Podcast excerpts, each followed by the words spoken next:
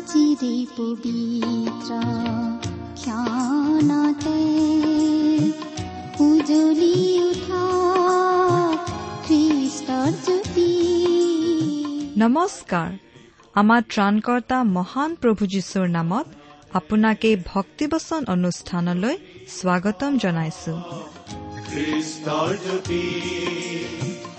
আকাশ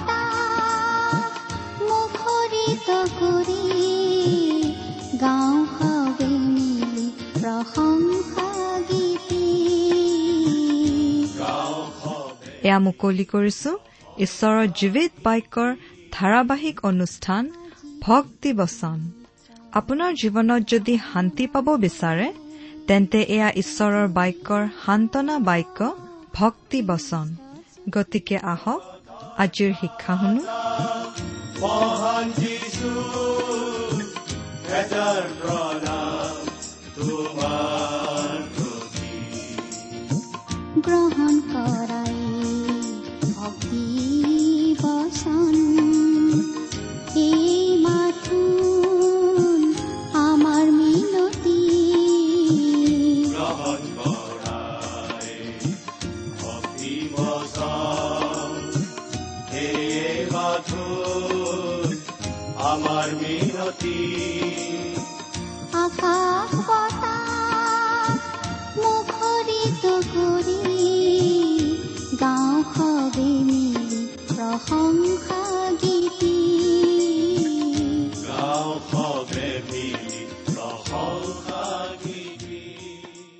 আমাৰ পৰম পবিত্ৰ প্ৰভু যীশুখ্ৰীষ্টৰ নামত নমস্কাৰ প্ৰিয় শ্ৰোতা। আপোনাৰ ভালনে বাৰু? আশা কৰো মহান পিতা পৰমেশ্বৰৰ মহান অনুগ্ৰহত আপুনি ভালে কুশলে আছে। প্ৰিয় শ্ৰোতা আমাৰ এই ভক্তিবচন অনুষ্ঠান আৰম্ভ কৰা আজি বহুদিন হৈ গ'ল।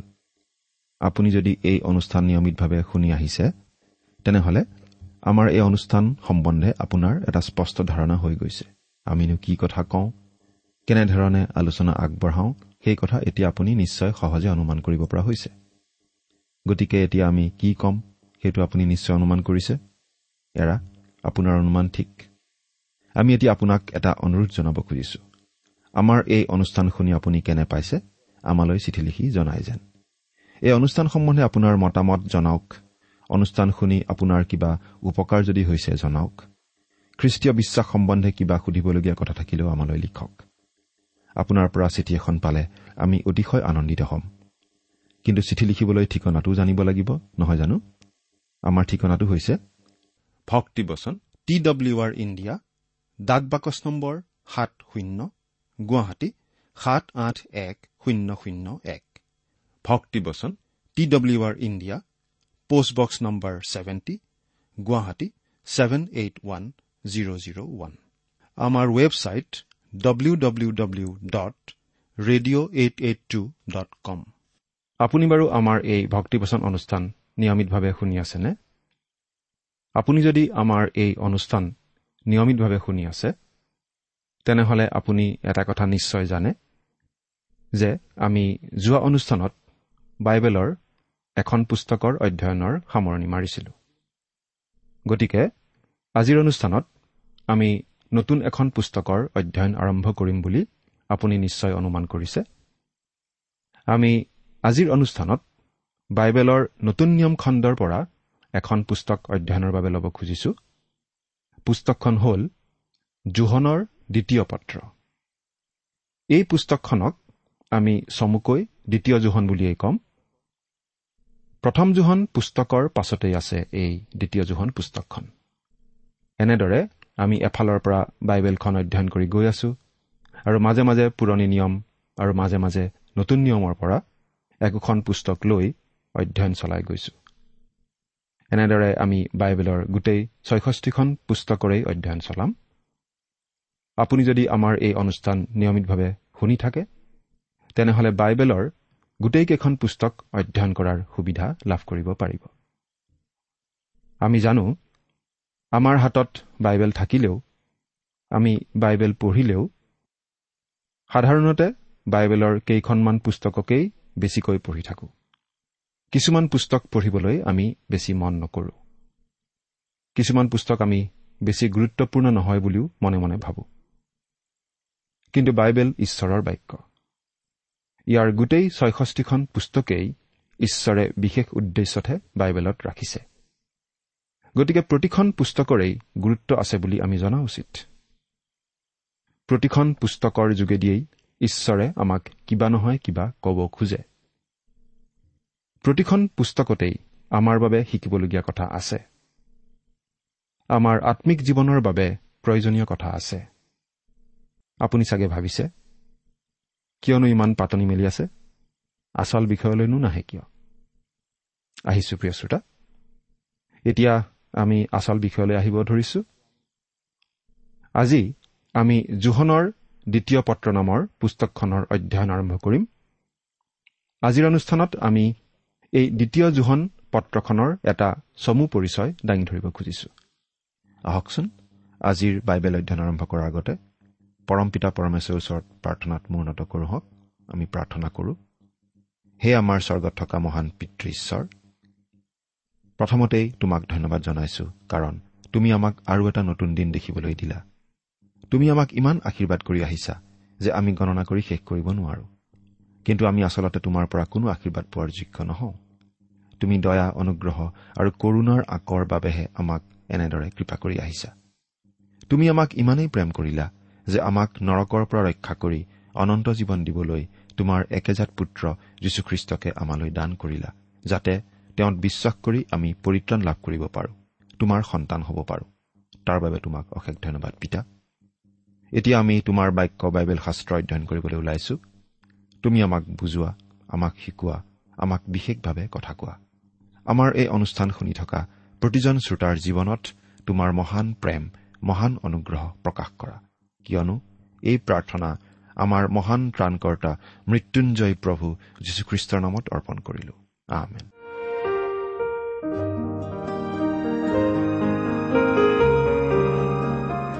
আহক এতিয়া আমি বাইবেল অধ্যয়নৰ পিনে আগবাঢ়ো হওক।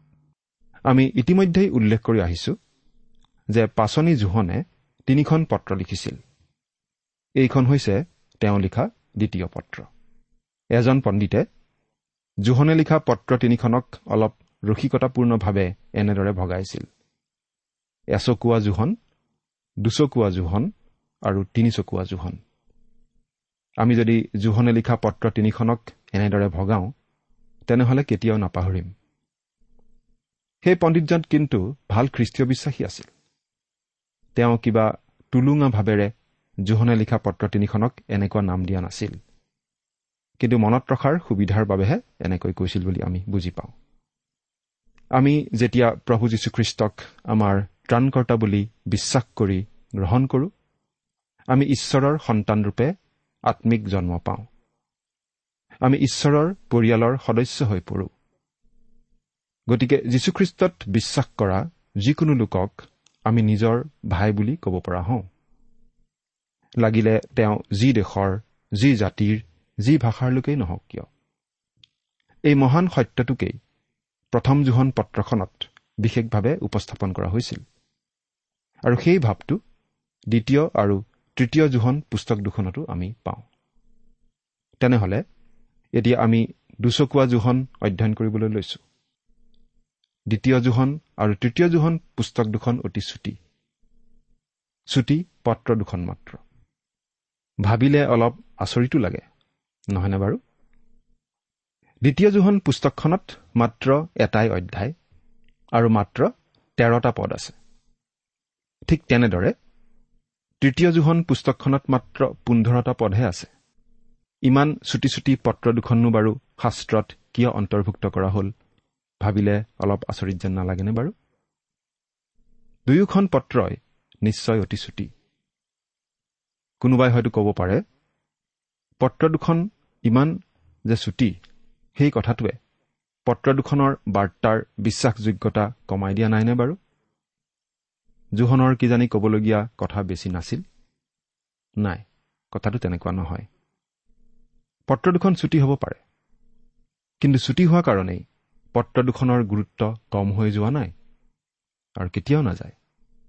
আচলতে গুৰুত্ব বাঢ়িছেহে বুলি আমি ক'ব পাৰোঁ। ছুটি হোৱাৰ কাৰণে গুৰুত্ব বেছিহে হৈছে। যদিও এই দ্বিতীয় আৰু তৃতীয় জোহন পত্ৰ দুখন অতি চুটি এই পত্ৰ দুখন কিন্তু অতি গুৰুত্বপূৰ্ণ। আৰু জোহনৰ প্ৰথম পত্ৰখনৰ বিষয়ে পৰিষ্কাৰ ধাৰণা এটা পাবলৈ হলে এই চুটি পুস্তক দুখনৰ বিশেষ প্ৰয়োজন আছে। কথাবোৰৰ বিকৃত ধাৰণা এটা যাতে নহয় তাৰ বাবে এই চুটি পত্ৰ দুখন পঢ়াৰ বুজাৰ প্ৰয়োজন আছে। এই কথাটো বুজি পাবলৈ আমি এটা উদাহৰণ দিব খুজিছো। এবাৰ এজন ডাক্তৰে এজন লোকক দুই ধৰণৰ ঔষধ দিছিল আৰু কিবা বিশেষ ধৰণৰ লক্ষণ দেখা দিলে সেই ঔষধ খাবলৈ কৈছিল। তাৰে এটা পিল ইমান সৰু আছিল যে টেবুলত থৈ বিচাৰি পাবলৈকে টান আছিল। আনবিধ ঔষধ আছিল এটা কেপচুল। ইমান ডাঙৰ যেন আছিল যে গিলিবলৈকে টান হ'ব যেন লাগিছিল। সেই কেপচুলটো খাবলৈ কমেও এগিলাচ পানীৰ দৰকাৰ হৈছিল। কিন্তু সেই মানুহজনে কিছুদিন ঔষধ খোৱাৰ পাছত বুজি পাইছিল যে সেই সৰু পিলটো আচলতে বেছি শক্তিশালী আছিল। তেওঁ এই কথাও বুজি পাইছিল যে দুয়োবিধ ঔষধৰ ভিতৰত আচলতে সৰু পিলটোহে বেছি দৰকাৰী আছিল। ডাঙৰ কেপচুলটোৱে কাম নকৰিলে তেওঁ সৰু পিলটো খাইছিল। ঠিক একেদৰে দ্বিতীয় জোহন আৰু তৃতীয় জোহন পুস্তক দুখনৰ ক্ষেত্ৰতো আমি ক'ব পাৰোঁ। পুস্তক দুখন অতি চুটি হ'ল বুলিয়েই সেই দুখনৰ গুৰুত্ব কম নহয়। এই পত্ৰখনৰ লিখক হৈছে পাচনি জোহন। তেওঁক আমি প্ৰেমৰ পাচনি বুলি কওঁ। প্ৰভু যীশুৱে তেওঁক মেঘ গৰ্জনৰ পুত্ৰ বুলি কৈছিল। মাৰ্কে লিখা শুভবাৰ্তা তিনি নম্বৰ অধ্যায় সোতৰ পদ চাওক। সেই মেঘ গৰ্জনৰ লগত আমি বিজুলী ঢেৰেকনিৰ কথাটো যোগ দিব পাৰোঁ। এই পত্ৰখনত জোহনে এই কথাটো অতি জোৰ দি কৈছে যে আমি আন খ্ৰীষ্টীয় বিশ্বাসীসকলৰ প্ৰতি প্ৰেম প্ৰদৰ্শন কৰিব লাগে। নহলে আমি ঈশ্বৰৰ সন্তান নহয়। অৰ্থাৎ আমি যদি খ্ৰীষ্টত বিশ্বাস কৰি ঈশ্বৰৰ সন্তান হলো তেন্তে তাৰ প্ৰমাণ প্ৰকাশ পাব আমি আন খ্ৰীষ্টীয় বিশ্বাসীৰ প্ৰতি প্ৰদৰ্শন কৰা প্ৰেমৰ যোগেদি। পাচনি জোহনে এই পত্ৰখন লিখিছিল আনুমানিক নব্বৈৰ পৰা এশ চনমানৰ ভিতৰত। এই পুস্তকখনৰ সাদৃশ্য আছে ফিলিমনৰ পত্ৰ নামৰ পুস্তকখনৰ সৈতে। কাৰণ এই পত্ৰখনো ফিলিমনৰ পত্ৰৰ নিচিনা অলপ ব্যক্তিগত ধৰণৰ পত্ৰ। এই পত্ৰখন জোহনে লিখিছিল এগৰাকী খ্ৰীষ্টিয়ান তিৰোতাৰ প্ৰতি। এই প্ৰশ্নটো প্ৰায়ে উঠে যে এই তিৰোতাগৰাকীনো কোন? গ্ৰীক শব্দটো হৈছে ইলেক্টা। এই ইলেক্টা এটা বিশেষ উপাধি নে আদি মণ্ডলীৰ এগৰাকী মহিলা? আমি এই কথাটো মনত পেলাব পাৰোঁ যে জোহনে ঈশ্বৰৰ পৰিয়ালৰ কথা বেছিকৈ কয়। তেওঁ হৈছে ঈশ্বৰৰ পৰিয়ালৰ কথা কোৱা পাচনি। পৰিয়াল মানে খ্ৰীষ্টীয় বিশ্বাসী লোক। আনহাতে পাচনি পৌল হৈছে ঈশ্বৰৰ মণ্ডলীৰ কথা কোৱা পাচনি। আকৌ পাচনি পিতৰে ঈশ্বৰৰ শাসন ব্যৱস্থাৰ কথা বেছিকৈ কয়। এই তিনিওগৰাকী পাচনিৰ লিখা পত্ৰকেইখন পঢ়াৰ সময়ত আমি এই কথা মনত ৰাখিলে তেওঁলোকে কোৱা কথাবোৰ বুজি পোৱাত আমাৰ বেছি সুবিধা হয়। পাচনিজোহনে এই চিঠিখন এগৰাকী ব্যক্তিক নাইবা হয়তো গোটেই মণ্ডলীক সম্বোধন কৰি লিখিলেও জোহনে আচলতে ঈশ্বৰৰ পৰিয়ালৰ প্ৰসংগতহে কথাবোৰ লিখিছে। আমি এই কথাটো বুজি পাওঁ যে কোনোবা এগৰাকী খ্ৰীষ্টীয় বিশ্বাসী মহিলা নাইবা কোনোবা এটা স্থানীয় মণ্ডলী আছিল যিয়ে নিজকে খ্ৰীষ্টিয়ান বুলি চিনাকি দিয়া সকলো লোকলৈকে আতিথ্য আগবঢ়াই আহিছিল। কিন্তু সেই লোকবোৰৰ মাজত কিছুমান ভুৱা লোকো আছিল আৰু সেই ভুৱা বিশ্বাসী লোকবিলাকে খ্ৰীষ্টৰ ঈশ্বৰত্বক মানি নলৈছিল। আৰু খ্ৰীষ্টীয় বিশ্বাসৰ আন আন গুৰুত্বপূৰ্ণ কথা কিছুমানো বিশ্বাস নকৰিছিল। এই পত্ৰখনত জোহনে সাৱধান কৰি দিছে যাতে এনেকুৱা ভুৱা বিশ্বাসীসকলৰ প্ৰতি আতিথ্য আগবঢ়োৱা নহয়। আৰু আচলতে এই পত্ৰখন লিখাৰ মূল উদ্দেশ্য এইটোৱেই আছিল বুলি আমি ক'ব পাৰোঁ। এই পত্ৰখনৰ মূল বিষয়টো হৈছে সেই সত্যৰ কাৰণে। যেতিয়া প্ৰেম প্ৰদৰ্শন কৰা আৰু সত্যৰ মাজত বিৰোধ হয় তেতিয়া সত্যকেই আগস্থান দিব লাগিব। সত্যই প্ৰথম স্থান পাব লাগিব। আপুনি বাৰু প্ৰথম কৰিন্থিয়া তেৰ নম্বৰ তেৰ পদটো ভালদৰে মন কৰিছেনে? তাত এনেদৰে কোৱা আছে এতিয়া বিশ্বাস আশা প্ৰেম এই তিনিটা থাকে। কিন্তু এইকেইটাৰ মাজত প্ৰেমেই শ্ৰেষ্ঠ। কিন্তু যেতিয়া ইয়াত সত্যৰ কথাটো সাঙুৰি দিব লগা হয় তেতিয়া সত্যই প্ৰথম স্থান পাব লাগিব। অৰ্থাৎ সত্যৰ হকে আমি থিয় দিব লাগিব। আৰু ভুৱা শিক্ষকক গ্ৰহণ কৰাটো ভুল কথা। এই কথাটো আমি মনত ৰখা উচিত। ঈশ্বৰৰ বাক্যত আমি যি সত্য পাওঁ সেই সত্যৰ হকে আমি দৃঢ়ভাৱে থিয় দিব পাৰিব লাগিব। সত্য বুলি কওঁতে অৱশ্যে বহুতো কথা আহি পৰে। প্ৰথম আৰু প্ৰধান সত্যটো হৈছে বাইবেল হৈছে ঈশ্বৰৰ বাক্য। আমাৰ মনত এই বিষয়ে অলপো সন্দেহ নাই। দ্বিতীয়টো অতি গুৰুত্বপূৰ্ণ সত্য হৈছে এইয়ে যে খ্ৰীষ্ট ঈশ্বৰ আৰু তেওঁ ক্ৰুচৰ ওপৰত আমাৰ হকে যিখিনি কৰি থৈ গ'ল সেইখিনিৰ আধাৰতেই আমি পৰিত্ৰাণ পাব পাৰোঁ। এই দুটা মূল বিষয়ৰ ক্ষেত্ৰত আমি যদি একমত হওঁ তেন্তে আন কিছুমান সৰু সুৰা বিশেষ গুৰুত্ব নথকা কথাত আমাৰ মত একে নহলেও বেছি আপত্তি নাই। আমি জানো কিছুমান সৰু সৰু কথাত কিছুমান আনুষংগিক কথাত খ্ৰীষ্টীয় বিশ্বাসী সকলোৰে মত একে নহবও পাৰে। কিন্তু খ্ৰীষ্টীয় বিশ্বাসৰ মূল কথাখিনিত আমি একমত হ'বই লাগিব। যদি কোনো লোকে খ্ৰীষ্টীয় বিশ্বাসৰ মূল কথাখিনি মানি নলয় তেনে লোকক আমি কেতিয়াও খ্ৰীষ্টীয় বিশ্বাসী বুলি ক'ব নোৱাৰো। আৰু তেনে লোকৰ সৈতে আমাৰ খ্ৰীষ্টীয় সহভাগিতাও সম্ভৱ নহয়। মুঠতে বাইবেল ঈশ্বৰৰ নিশ্বাসিত বাক্য বুলি আমি মানিবই লাগিব। খ্ৰীষ্ট ঈশপুত্ৰ আৰু স্বয়ং ঈশ্বৰ এই কথাটো মানিবই লাগিব। খ্ৰীষ্টই আমাৰ সকলোৰে পাপৰ শাস্তি নিজে ক্ৰুচৰ ওপৰত বহন কৰিলে। তেওঁৰ তেজেই আমাক সকলো অধাৰ্মিকতাৰ পৰা সূচী কৰি আমাক ধাৰ্মিক বুলি গণিত কৰিব পাৰে। এই কথাটো মানি ল'বই লাগিব। যি ব্যক্তিয়ে এই কথাখিনি মানি নলয় আৰু খ্ৰীষ্টকেই নিজৰ ত্ৰাণকৰ্তা বুলি গ্ৰহণ নকৰে সেই ব্যক্তিক আমি খ্ৰীষ্টীয় বিশ্বাসী বুলি ক'ব নোৱাৰো। কিন্তু যি ব্যক্তিয়ে এই কথাখিনি মানি লয় আৰু খ্ৰীষ্টকেই নিজৰ ত্ৰাণকৰ্তা বুলি গ্ৰহণ কৰে সেই ব্যক্তিকেই আমি খ্ৰীষ্টীয় বিশ্বাসী বুলি গ্ৰহণ কৰিব পাৰোঁ। তেনেকুৱা ব্যক্তিকেই আমি খ্ৰীষ্টত ভাই বুলি আদৰি ল'ব পাৰোঁ। জোহনে লিখা প্ৰথম পত্ৰৰ মূল শব্দটো আছিল প্ৰেম। কিন্তু এই প্ৰেম জাগতিক প্ৰেম নহয়। আৰু এই প্ৰেম খ্ৰীষ্টীয় বিশ্বাসীসকলৰ মাজত অৰ্থাৎ ঈশ্বৰৰ পৰিয়ালত থাকিবলগীয়া প্ৰেম। ঈশ্বৰৰ পৰিয়ালৰ সদস্য হোৱা খ্ৰীষ্টীয় বিশ্বাসীসকলৰ পৰস্পৰৰ মাজত এই প্ৰেম থাকিব লাগে। ঈশ্বৰৰ সন্তান হোৱা লোকৰ পৰিচয় ইয়াতেই। ঈশ্বৰৰ সন্তান হোৱা লোকে খ্ৰীষ্টক প্ৰেম কৰে। ভাইবিলাকক অৰ্থাৎ আন খ্ৰীষ্টীয় বিশ্বাসীসকলক প্ৰেম কৰে। ঈশ্বৰৰ সন্তানবিলাকে কেনেদৰে আনৰ প্ৰতি প্ৰেম প্ৰদৰ্শন কৰিব লাগে সেই কথাটোৱেই আচলতে জোহনৰ প্ৰথম পত্ৰখনৰ মূল কথা বুলি আমি পাই আহিছো। আমি জোহনৰ প্ৰথম পত্ৰখনলৈ আকৌ উভতি গৈ এই কথাটো আকৌ মনত পেলোৱাটো ভাল হ'ব। ইয়াতে ঈশ্বৰৰ সন্তানবিলাক আৰু ছয়তানৰ সন্তানবিলাক প্ৰকাশিত হয়। যিকোনোৱে ধৰ্ম আচৰণ নকৰে তেওঁ ঈশ্বৰৰ নহয়। আৰু যিজনে নিজ ভায়েকক প্ৰেম নকৰে তেওঁ নহয়। প্ৰথম জোখন তৃতীয় অধ্যায় দহ পদ।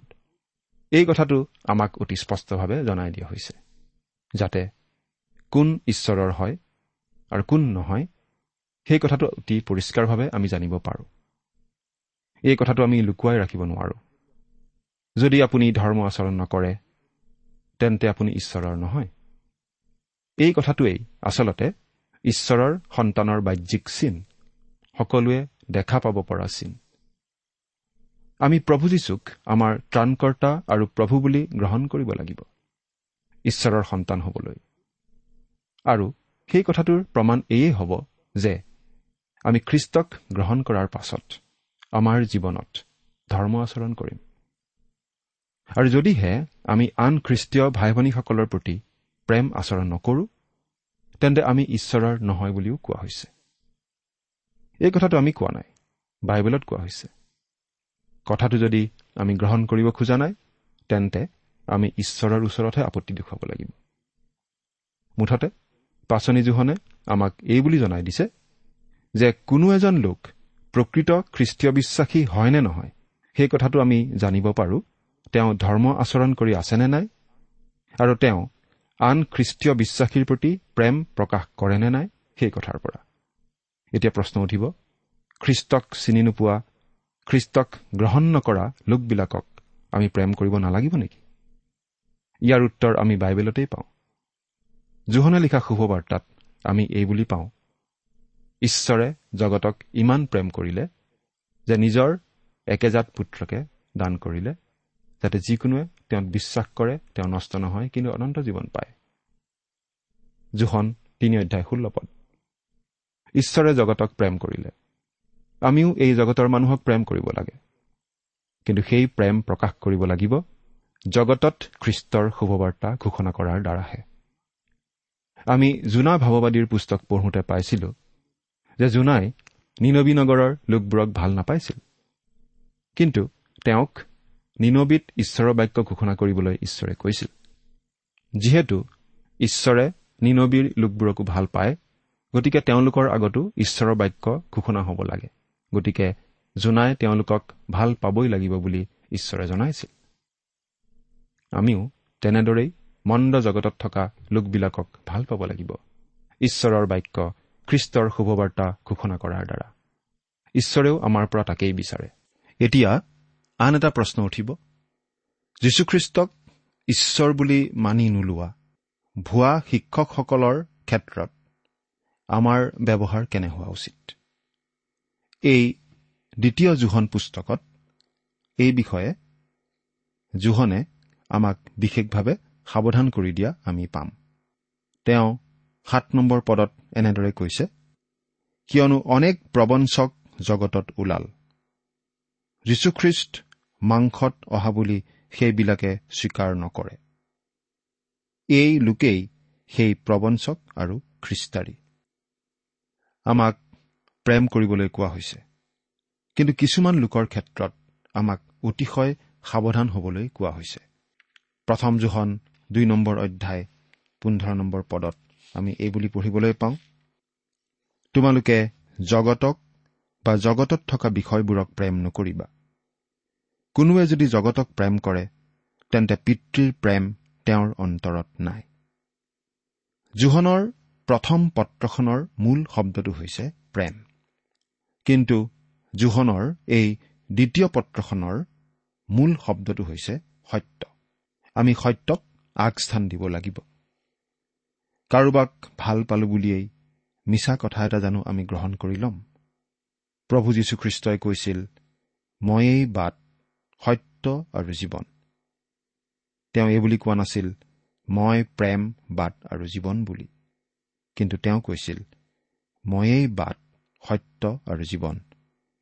মোৰ যোগেদি নগলে কোনো মোৰ পিতৃৰ ওচৰলৈ নাযায়। আমি পিতৃ ঈশ্বৰৰ ওচৰলৈ আহিব লাগিব একমাত্ৰ যীশুখ্ৰীষ্টৰ যোগেদিহে।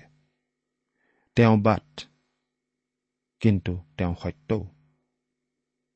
যীশু সত্য বুলি কোৱাৰ পাছতহে জোহনে আমাক কৈছে ঈশ্বৰ প্ৰেম বুলি। প্ৰথম জোহন চাৰি নম্বৰ অধ্যায়ৰ ষোল্ল নম্বৰ পদ। প্ৰিয় শ্ৰোতা সত্যৰ চাৰিসীমাৰ মাজত থাকিহে আমি আনৰ প্ৰতি প্ৰেম প্ৰদৰ্শন কৰি থকা উচিত। আমাক কোৱা হৈছে সত্যত চলি থাকিবলৈ। পাঠ কৰি দিছো দ্বিতীয় জোহনৰ প্ৰথম অধ্যায়ৰ চাৰি নম্বৰ পদটো। ইয়াত এনেদৰে লিখা আছে আমি পিতৃৰ পৰা পোৱা আজ্ঞা অনুসাৰে মই তোমাৰ সন্তানবিলাকৰ কোনোবিলাকক সত্যত চলি থকা দেখি অতিশয় আনন্দিত হলো। প্ৰিয় শ্ৰোতা খ্ৰীষ্টই সত্য।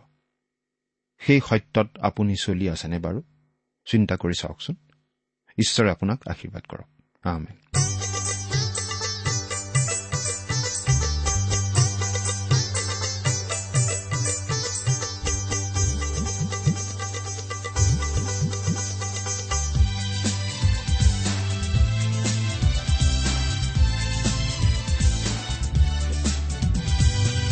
জগত প্ৰেম কৰি ঈশ্বৰে পুত্ৰ যীশুকেই দান কৰিলে।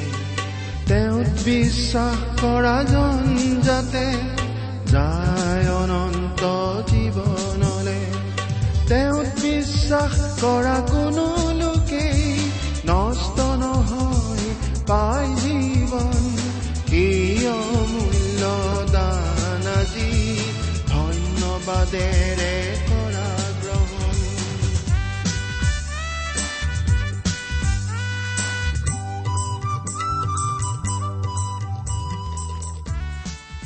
ইমান পৰে আপুনি ভক্তিবচন অনুষ্ঠানটি শুনিলে।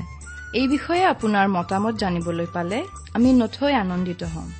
আমি প্ৰস্তুত কৰা বাইবেল অধ্যয়নৰ আন চিডিসমূহ পাব বিচাৰিলেও আমালৈ লিখক। অনুষ্ঠানটি শুনি কেনে পালে আমালৈ চিঠি লিখি জনাবচোন। অনুষ্ঠানত প্ৰচাৰ কৰা কোনো কথা বুজিব লগা থাকিলেও আমালৈ লিখক। আমাৰ ঠিকনা? ভক্তিবচন ট্ৰান্স ৱৰ্ল্ড ৰেডিঅ' ইণ্ডিয়া ডাক বাকচ নম্বৰ সাত শূন্য গুৱাহাটী সাত আঠ এক শূন্য শূন্য এক।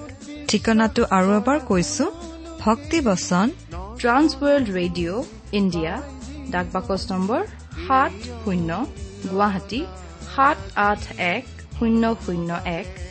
আমাৰ ইমেইল এড্ৰেছটো হৈছে এছএমইজ T T B at the rate radio' eight eight two dot com. আমাৰ website W W W dot T W R dot in আপুনি টেলিফোনৰ মাধ্যমেৰেও আমাক যোগাযোগ কৰিব পাৰে। আমাৰ টেলিফোন নম্বৰটো হৈছে শূন্য তিনি ছয় এক দুই ছয় শূন্য চাৰি ছয় সাত এক। ফোন নম্বৰটো আকৌ এবাৰ কৈছো zero' three six one two six zero' four six seven one আজিৰ অনুষ্ঠানটি ইমানতে সামৰিছো। ঈশ্বৰৰ শান্তি আৰু অনুগ্ৰহ আপোনাৰ লগত থাকক। ধন্যবাদ। ধন্যবাদেৰে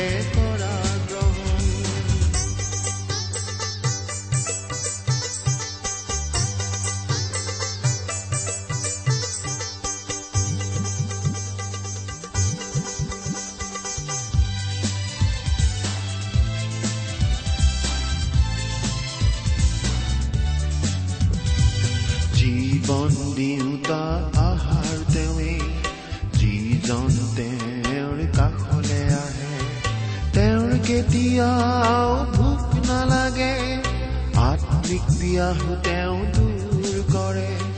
তেওঁত বিশ্বাস কৰা কোনো লোকেই নষ্ট নহয় পাই জীৱন। এই অমূল্য দান আজি ধন্যবাদেৰে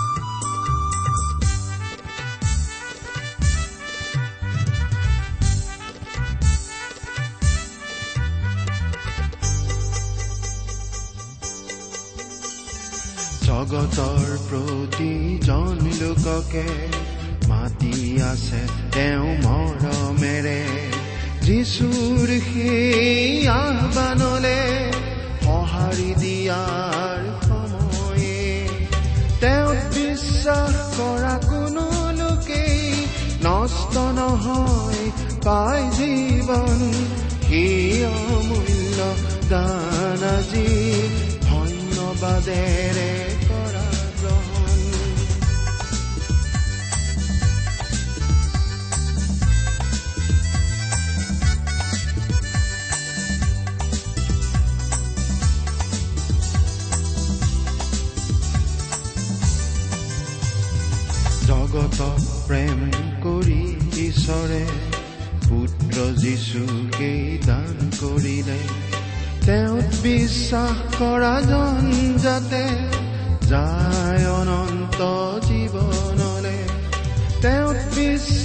কৰা কোনো লোকেই নষ্ট নহয় পাই জীৱন সেই